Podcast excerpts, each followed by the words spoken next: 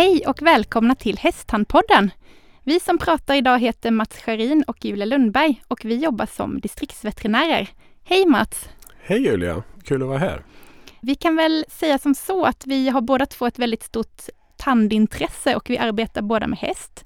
Eh, Mats, vill du berätta lite om utbildningen där som vi har gått? Ja, vi har ju båda två gått eh, SLUs tre utbildningssteg eh, inom hästtandvård. Precis.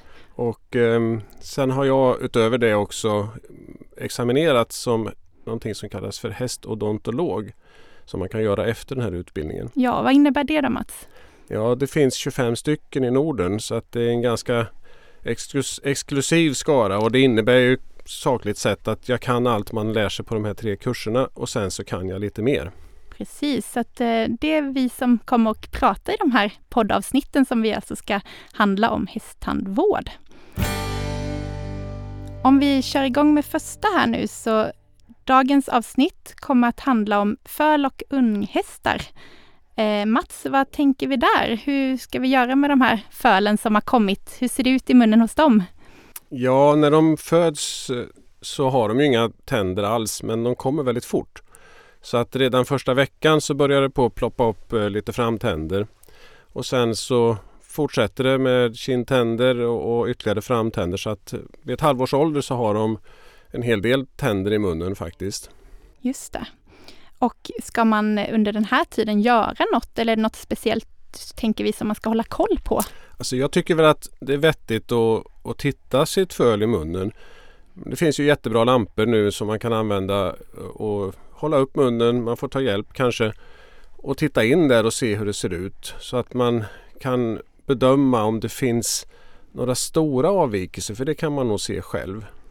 Ja, det är väl främst framtänderna tänker jag som man kanske som hästägare ja, har möjlighet precis. att kolla på då och där kan man ju se så att det inte är något som sitter alldeles snett eller att de har något kanske tydligt över eller underbett tänker jag. Ja, det, det finns ju de Ja, de är inte jättevanliga men det förekommer ändå kraftiga överbett och underbett i framtänderna. Det kan också vara snedheter i framtänderna. Ja, eller käkar som inte ser ut som de ska riktigt. Ja. Så ser man något sånt då tycker jag absolut att man ska kontakta sin veterinär för, för, att få en bedömning om det här är någonting som man behöver göra någonting åt. Just det, för precis som på barn och unga så är det ju viktigt att man åtgärdar saker ganska tidigt för att ha så god chans som möjligt då för att rätta till ja. problemen då. Det är inte säkert att man behöver göra någonting men, men ju förr man har koll, fått koll på det desto bättre är det. Åtminstone att man får en undersökning gjord precis som du säger. Eh, om man tänker på unghästarna sen då, när börjar de tappa sina mjölktänder och hur ser det ut? Ja, de börjar ju med sina mjölktänder och sen så när skallen växer så skiftas de här och ersätts av permanenta tänder. Och eh, de första mjölktänderna de börjar de tappa vid två och ett halvt års ålder ungefär. Just det. Och hur kan, kan man märka det som hästägare eller? Ja, många gånger så ser man inte någonting alls. Man kanske inte ens hittar de här mjölktänderna som lossnar för de försvinner i ströt och sådär. Men de fortsätter ju ända upp till fyra och ett halvt år att skifta tänder. Just det. Och eh, man kan ju märka att de saliverar till exempel. De, de, eh, de kan vara lite feberaktiga. Det är precis som ungar ungefär. Du har ju en hel drös med ungar. Du vet ju hur det är. Så är det. Och det dreglas och det gnos i munnen och det svullnar ju så att det, det blir en inflammation kan man ju säga i tandköttet där när de här nya tänderna ska komma upp. Ja, och då ska vi ju tänka om vi nu fortsätter med den här jämförelsen mellan barn och hästar att, att hästars eh, tänder som, som ska byta det, det blir ju en jättestor yta. Det kan ju vara ett par kvadratdecimeter i munnen som då är inflammerade. Och de kan få lite feber och det, det gör ont på dem ibland. Precis, och ibland ser man ju de här tydliga svullnaderna även utifrån då på hästen. Så att man, de här kallade eruption bumps, som är som knölar kan man väl säga på under och överkäken. Ja. Och det beror ju på den här stora aktiviteten då ja. i, i käken. Vad, vad, ska man tänka på om man märker att hästen verkar vara bekymrad i munnen i den här åldern? Ja, men jag tycker att man ska faktiskt göra en munhålundersökning. Om man märker att någonting inte står riktigt rätt till så är det väl bra att ta ut en veterinär med tandkompetens, att man får kikat. Eh, men annars är det ju att man tänker på kanske undvika att ha bett i munnen under de här perioderna när det är som mest stök då, för att det inte ska bli alltför obehagligt Ja. för den unga hästen.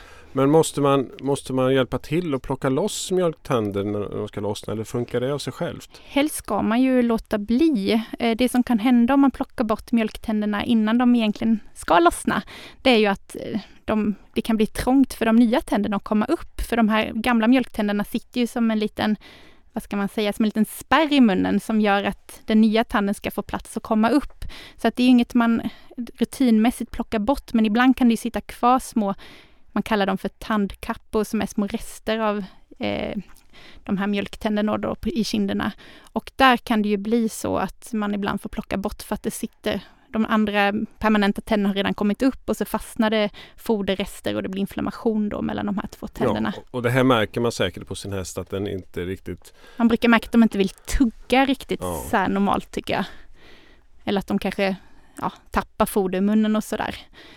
Ja, så då får man göra kanske en extra kontroll av hästens mun. Annars, om vi ska glida över till eh, när man ska göra sin första munhåleundersökning. Eh, så vad säger vi där Julia?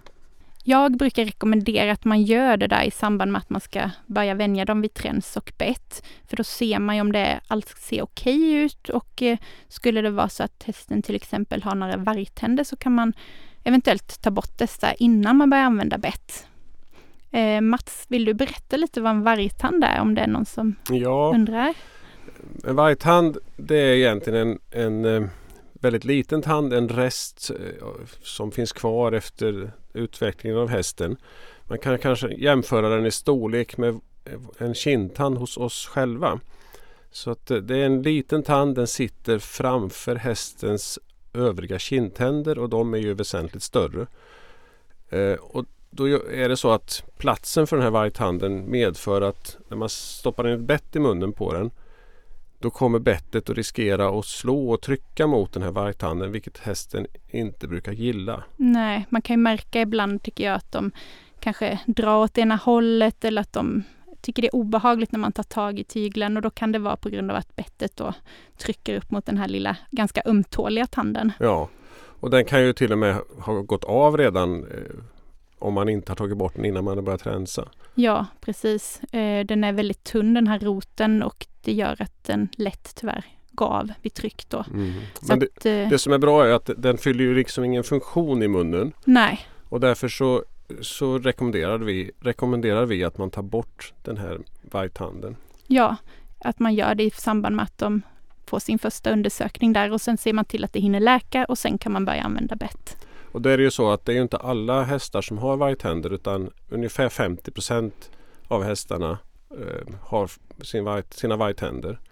Just det, och några har ju de här dolda vargtänderna också som man ibland inte kan se utan man kan bara känna dem att de ligger under slemhinnan och även dessa behöver tas bort för att de ligger också och stör Mm. i det området där bettet ligger. Och det förekommer faktiskt eh, ett mindre antal hästar som har vargtänder också i underkäken. De är ju i och för sig inte lika vanliga men Nej. det finns. Och i så fall plockar man ju bort dem också. Ja, men om vi pratar vidare här om bett, hur tänker vi där när man ska börja vänja unghästen vid ett nytt bett eller träns? Ja, då tycker jag Julia att, att det, en bra kunskap är ju att man förstår att det från början inte finns någon plats för ett bett i munnen på en häst. Nej, Utvecklingen har ju liksom inte de har inte gett plats för det Nej, helt de, enkelt. de har inte designat hästen för att den någon gång ska ha en bett i munnen. Utan när hästen får in det här så måste den bereda plats för den här metallpinnen. Precis, och då är det ju bra tänker jag att man har så litet bett som möjligt så att det stör minst så, möjligt. så gracilt, så tunt som möjligt. Ja, exakt. Många väljer ju ett lite kanske tjockare bett för att man har hört att det ska vara mildare och snällare för hästen. Men nu har man väl sett att det är faktiskt skönare för hästen att ha ett lite mindre bett i munnen. Ja, det är det. Om man tänker på bättringar och sånt där, det finns ju en uppsjö av diverse olika bett och så. Vad ska man tänka på där, tycker du, när det gäller just unghästar? Skiljer det sig något från vuxna ridhästar? Ehm, egentligen gör det väl inte det utan, utan det viktiga är att det tar så lite plats som möjligt. Ehm, så att man inte stoppar in en stora bett med många ledade strukturer på som, som hästen ska försöka rymmas, få att rymmas inne i munnen. Just det. Och sen tycker jag att det är bra det här med bettlöst, att man även redan Absolut. på unghäststadiet vänjer dem vid det, för då kan man ju variera mellan de bettlösa alternativen också då, för, som är jättebra i de perioderna när det händer väldigt mycket i form av tandskiften. Ja, men precis. Då kan man ju slippa besvära hästens inflammerade mjölktandsskiftningar med ett bett i munnen utan då kan man använda det bettlösa alternativet under den perioden. Ja, exakt. Och likadant att man tänker storleksmässigt där var vi ju lite inne på att man inte tar ett för långt bett utan att man ser till att det sitter stadigt och stabilt. Eh, och även att man tänker på att den här unghästen kanske växer lite grann så ibland kan man ju behöva spänna ut tränset lite vartefter hästen växer. Ja, det kan hända att man behöver gå upp en storlek i bettstorlek Så också. kan det också vara. Det beror lite på när man börjar också, Ja. tillvänjningen. Men att man eh, tänker på att anpassa utrustningen till hästens form och storlek helt enkelt. Om vi fortsätter med trends här, eh, hur tänker vi med nosgrimmor och så? Det finns ju också tusen varianter att välja på. Ja, och eh, det är nog klokt att ha en nosgrimma på men det är jätteviktigt att komma ihåg att den ska vara ganska löst anspänd. Just det, att den inte sitter för hårt och trycker. Ja, ehm, hästen har inget inbyggt försvar eller in, inbyggd reflex för att stå emot hårt tryck runt nosen. Ehm, så att om vi drar åt nosgrimman hårt så kan den in, hästen inte visa att den inte trivs med det här. Nej, och så tänker jag att du trycker ju även slemhinnan och så vidare in mot tänderna, vilket ökar risk för bitskador och klämskador då i Pre- munnen. Precis. Vi, vi vet ju från svenska studier att en stor andel av de skador vi ser i hästens mun beror på betslingen. Så är det ju tyvärr. Så att försöka variera och försöka se till att bettet är i rätt storlek och rätt höjd också. I dagens avsnitt har vi ju pratat om unghästen, men vi kommer även att ha två andra avsnitt där vi diskuterar tandhälsan hos den vuxna ridhästen och hos den äldre hästen. Tack Mats för att du kom hit idag. Det var jättekul. Och tack Julia för att du kom hit. Ja, och eh, tack för att ni lyssnade.